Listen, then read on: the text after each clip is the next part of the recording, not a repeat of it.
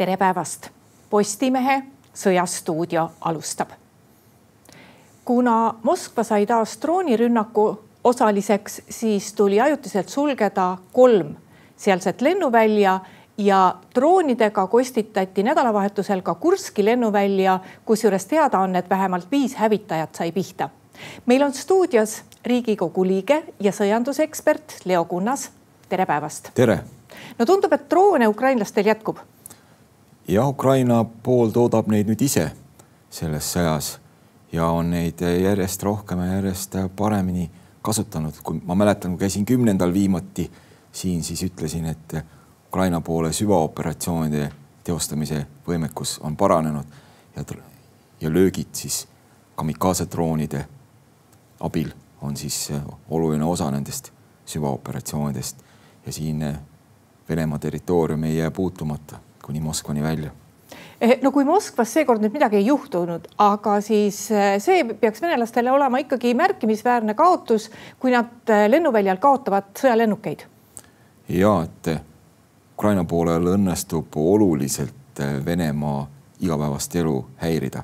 noh, Moskva on pealinn ja kui see esimene aasta praktiliselt läks ikkagi nii, noh, ma pean silmas laiaulatuslikku kallaletungi esimest aastat, nüüd sai meil täpselt poolteist aastat täis juba, läks ikkagi nii, et et Ukraina linnad olid pidevate drooni raketilöökide all, siis eh, viimase poole aasta jooksul on olukord muutunud ja ka Venemaa oblastikeskused ehk siis eh, näiteks eh, Kursk, Brjansk, samuti pealinn Moskva on Ukraina löökide sihtmärgiks kas venelased saavad endale seda lubada veel, et neil lihtsalt lennuväljal lennukid hävivad? no Venemaal on ju see probleem, et Venemaa õhutõrjevahendite selline paremik on ikkagi koondatud äh, Ukrainasse, et siis katta ja toetada võitlevaid üksusi. kuna Venemaa on territooriumi poolest nii suur, siis, siis äh, katta tihedalt kõiki oblastikeskusi on, on, on väga raske. ja noh, Ukraina pool samamoodi nagu Vene poolgi, et, et neid droone ei kasutata ühekaupa, siis neid kasutatakse parvedes. Ja see tõenäosus, et kõik droonid õnnestuks alla tulistada, noh, see on mõlemal poolel väga raske. Ja see pahatihti ei õnnestu. no kõige suurem sündmus viimasel nädalal kahtlemata on see, et Wagneri armee juht Prigožin hukkus. Venemaa on seda nüüd ametlikult kinnitanud nädalavahetusel, et ta tõesti oli selles lennukis ja neid versioone, miks, mis lennuk alla kukkus, noh, neid nii-öelda uuritakse Venemaal. mis kõige tõenäolisem on, mis selle lennukiga juhtus? no praegu ikkagi võib öelda, et noh, üheksakümne, üheksakümne viie protsendilise tõenäosusega see lennuk ei kukkunud ise alla, ehk siis tegu ei ole lennuõnnetusega, et, et kuidas ta täpselt sealt alla saadi, kas õhutõrje poolt või siis mingi pommiplahvatuse tõttu seda mul on raske öelda, aga kui Ameerika Ühendriikide vastutavad ametiisikud kinnitavad, et, et see oli Vene õhutõrjetöö, neil on ju satelliitpilt ja andmed, eks siis see suure tõenäosusega nii on. eks see lennuk ei kukkunud ise alla, see on selge.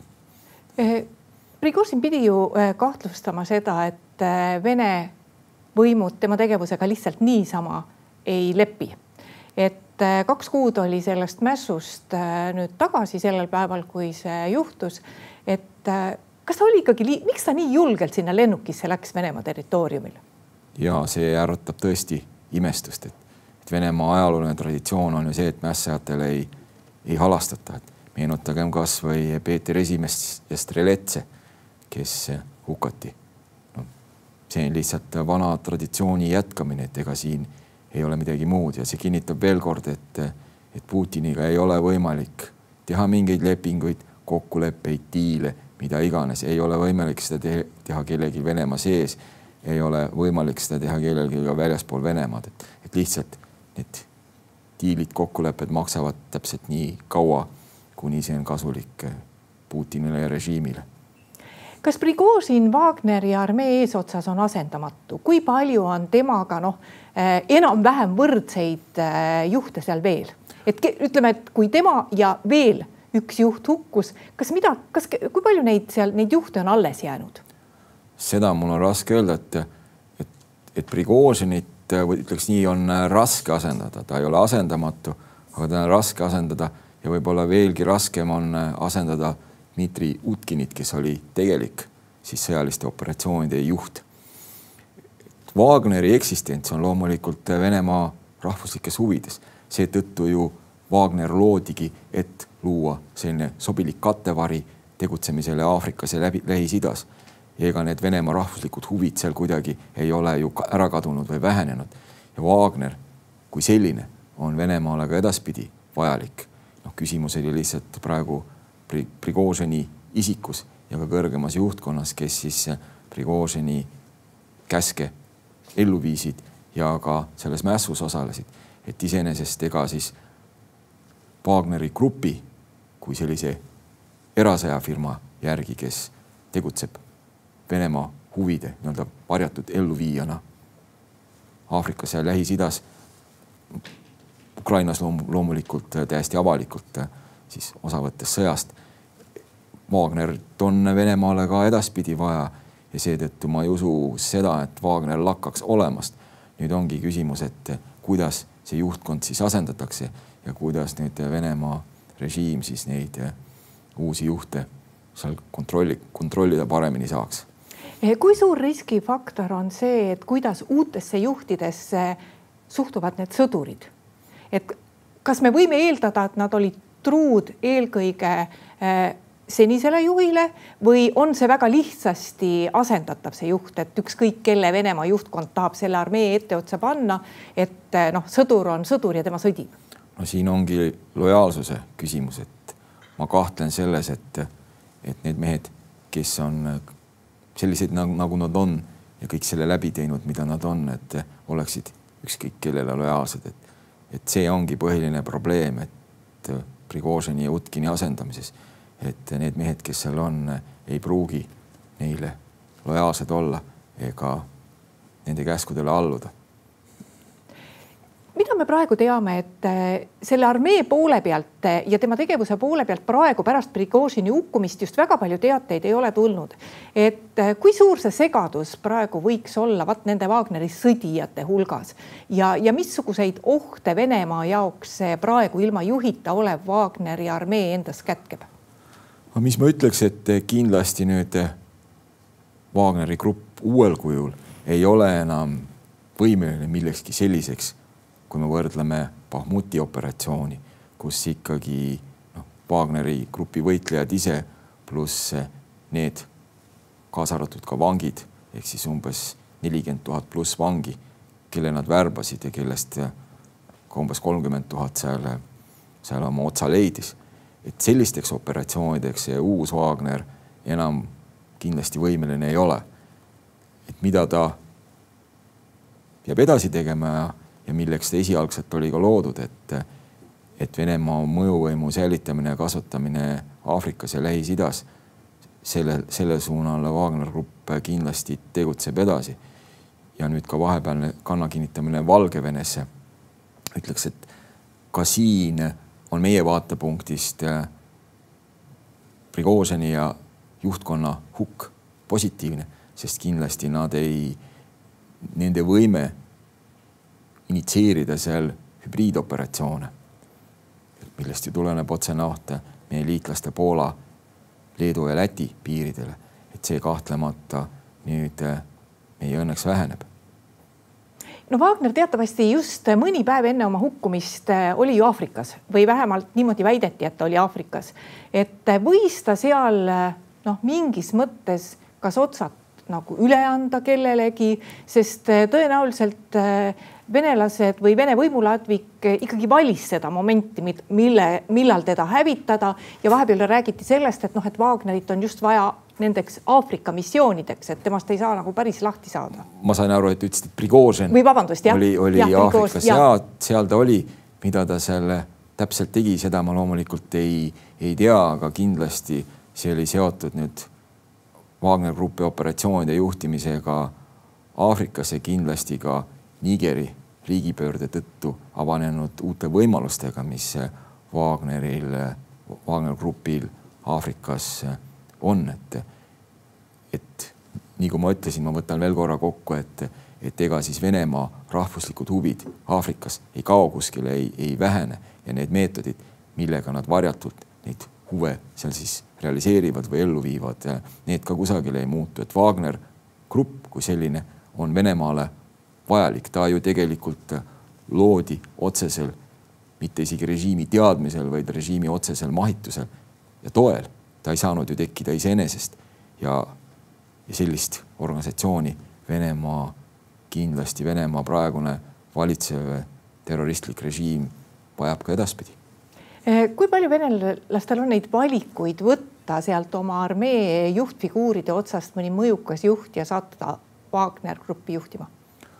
Seda mul on raske ette kujutada, et kuidas nagu tehniliselt nüüd oleks üldse võimalik teha, et, et ikkagi see uus juht peaks kasvama selle organisatsiooni seest, et need võitlejad oleksid, oleksid talle lojaalsed, et, et nüüd leida sinna inimene, kellele samale oleksid ka võitlejad lojaalsed ja režiim ise noh, võiks kindel olla, et mingit uut mässu ei tule, et sellist juhti, nagu ma ütlesin, on, on raske leida, et, et sellest noh, tuligi minu väide, et, et Prigožin on asendatav, aga teda ei ole nii lihtne asendada, ehk siis teda on raske asendada Eh, vaatame korraks rindele ka, et eh, no, kõige suuremad, mulle tundub, et kõige suuremad lootused on viimasel ajal tekkinud selle lõunarinde osas.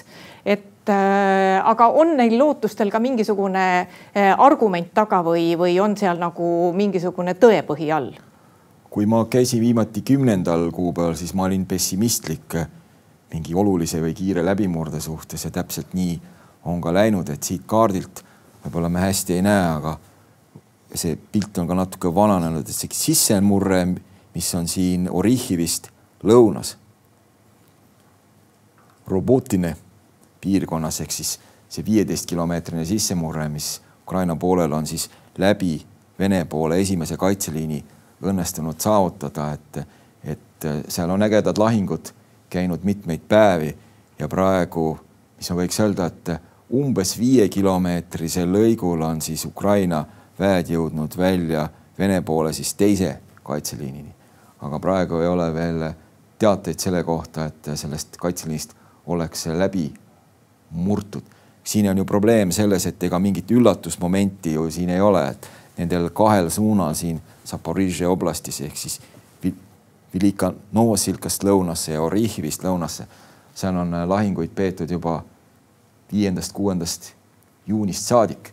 Ehk siin millegagi üllatuda ei ole võimalik ja Vene pool loomulikult äh, saab koondada sinna reserve, et kuigi Vene pool ei ole siin üksusi väga välja vahetanud, äh, on siiski Vene poolele nii palju strateegilisi reserve, et, et kui ka läbimurre tekib, et Vene poolel on võimalus neid läbimurdeid riivistada. ja mis Vene pool ise on püüdnud siis saavutada, siit me näeme, näeme siin Luganski oblastis ja, ja väike tükk okupeeritud Harkivi oblastit on siin, et Vene pool on siit praktiliselt lõunast põhja üritanud siis peale tungida Kupjanski suunas küllalt suurte jõududega viimaste nädalate jooksul. ka see ei ole õnnestunud, aga mis on Ukraina pool muidugi pidanud tegema, Ukraina pool on pidanud saatma siia täiendavaid reserve, et vältida siit Vene poole sissemurret, sest noh, ju nendest sissemurretest siin ei oleks väga palju kasu, kui, kui teisel lõigul Vene pool omakorda ise murraks läbi, et seda on, on lääneriikide sõjaväelased on kritiseerinud seda jõudude jaotust, aga ma kardan, et Ukraina poolel lihtsalt ei ole siin olnud mingit muud valikut, sest ta ei ole saanud endale lubada mingit Vene poole sissemurret või ammugi läbimurret nüüd, nüüd selles piirkonnas. ja lahingud muidugi käivad edasi Bahmuti piirkonnas käivad siin äh, Donetski linnast lääne pool. et siin on äh, keerukas kompleks erinevaid äh, lahinguliike, mis siin toimuvad. Siin mõlemad pooled püüavad siis peale tungida teatud lõikudel siin asustatud punktides käivad, käivad nii-öelda tänavavõitlused, siin Ukraina poole sissid võitlevad tagalas süvaoperatsioonid toimuvad, ehk siis tulelööke nii suurtükiväega kui reaktiivlaskeseadeldistega annavad mõlemad pooled, mõlemad pooled teevad droonirünnakuid. eks see sõda on, on palju keerulisem kompleks, kui, kui võib-olla seda nagu pealtnäha paistab ja kes soovib sellesse rohkem süveneda, ma soovitaks soojalt praegu Postimehes just eile, eile, kui ma õieti mäletan, ilmus siis Sten Reimanni pikem lugu, pikem analüüs praegusest sõjaseisust, et Sten on olnud nii Kaitseväe luurekeskuse ülem kui ka teeninud pikalt operatiivosakonnas, muuhulgas ka jooksvate operatsioonide jaoskonna ülemana, ehk siis on olnud otseselt vastutav Iraagi ja Afganistani sõja eest sellal, kui me neid sõdu pidasime, et tal on üsna laialdased kogemused ja see analüüs on, on põhjalik, seal saab selge pildi, et mis mõlema poole võimekused täpselt juhtimisest kuni, kuni relvaliikide ja erinevat tüüpi operatsioonide välja, et mis nad siis nagu te tegelikult suudavad teha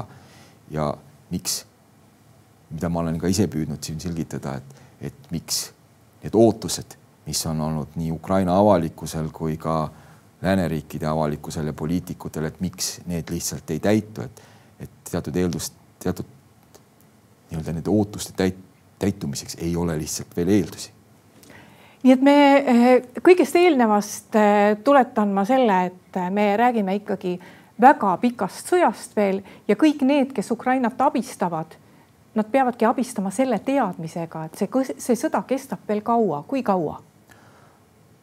no eks probleem nüüd seisneb selles, et, et osalt ka Ukrainas endas ja lääneriikides tugevnevad meeleolud, et oleks vaja sõlmida rahu.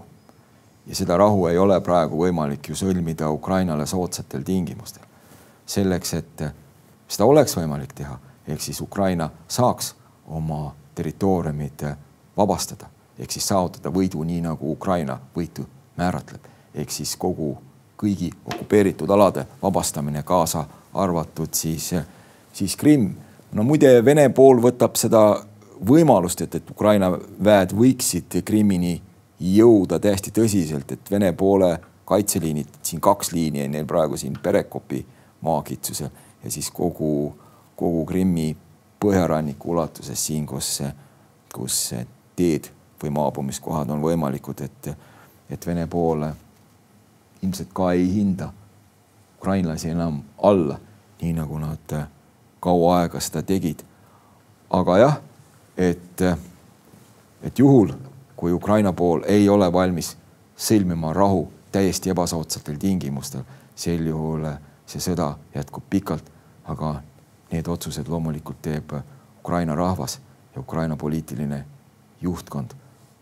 aga mis ma veel ütleks, et kui ma kunagi eelmisel suvel, sügisel analüüsisin seda, et mida siis Ukraina pool vajab kõike ja kui palju Ukraina tegelikult nendest vajadustest on siis saanud, siis proovin uuesti nagu teha selle ringi nagu, nagu mälus, mälus ära, et kui me räägime näiteks hävituslennukitest, siis ma rääkisin umbes sajast lennukist, mida Ukraina pool vajaks, et, et saavutada lokaalset üli, ülekaalu nendes suundades, kus siis Ukraina väed peale tungivad. praegu Ukraina teatavasti uusi hävituslennukeid on saanud null ja on natuke saanud äh, MiG kahekümne üheksaid Poolalt.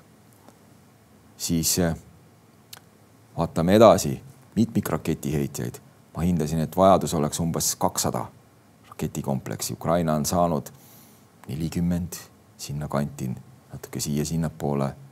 see on juba oluliselt mõjutanud selle sõjategevuse kulgu, aga see ei ole piisav.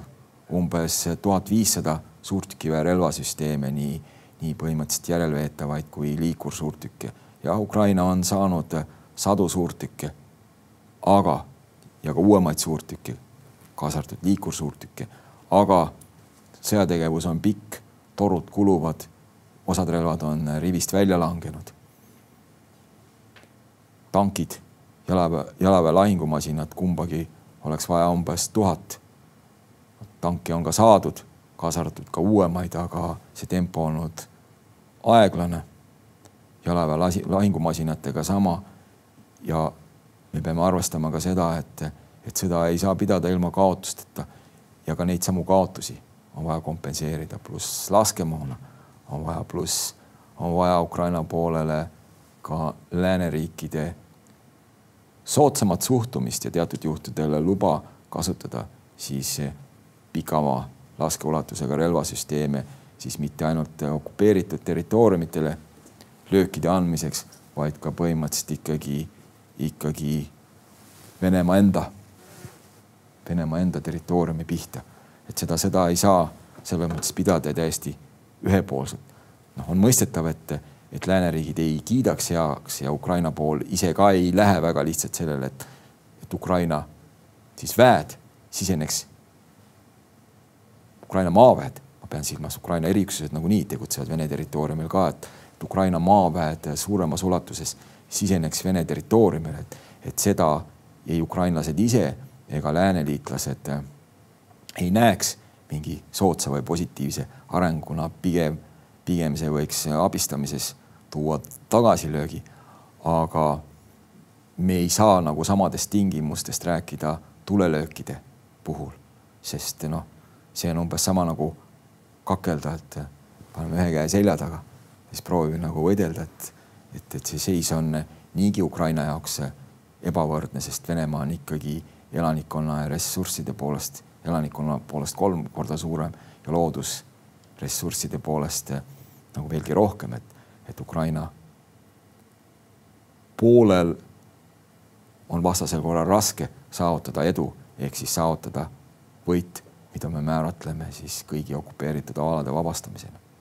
nii et eh, lähinädalatel me mingeid suuremaid sündmusi oota, ootama ei peaks?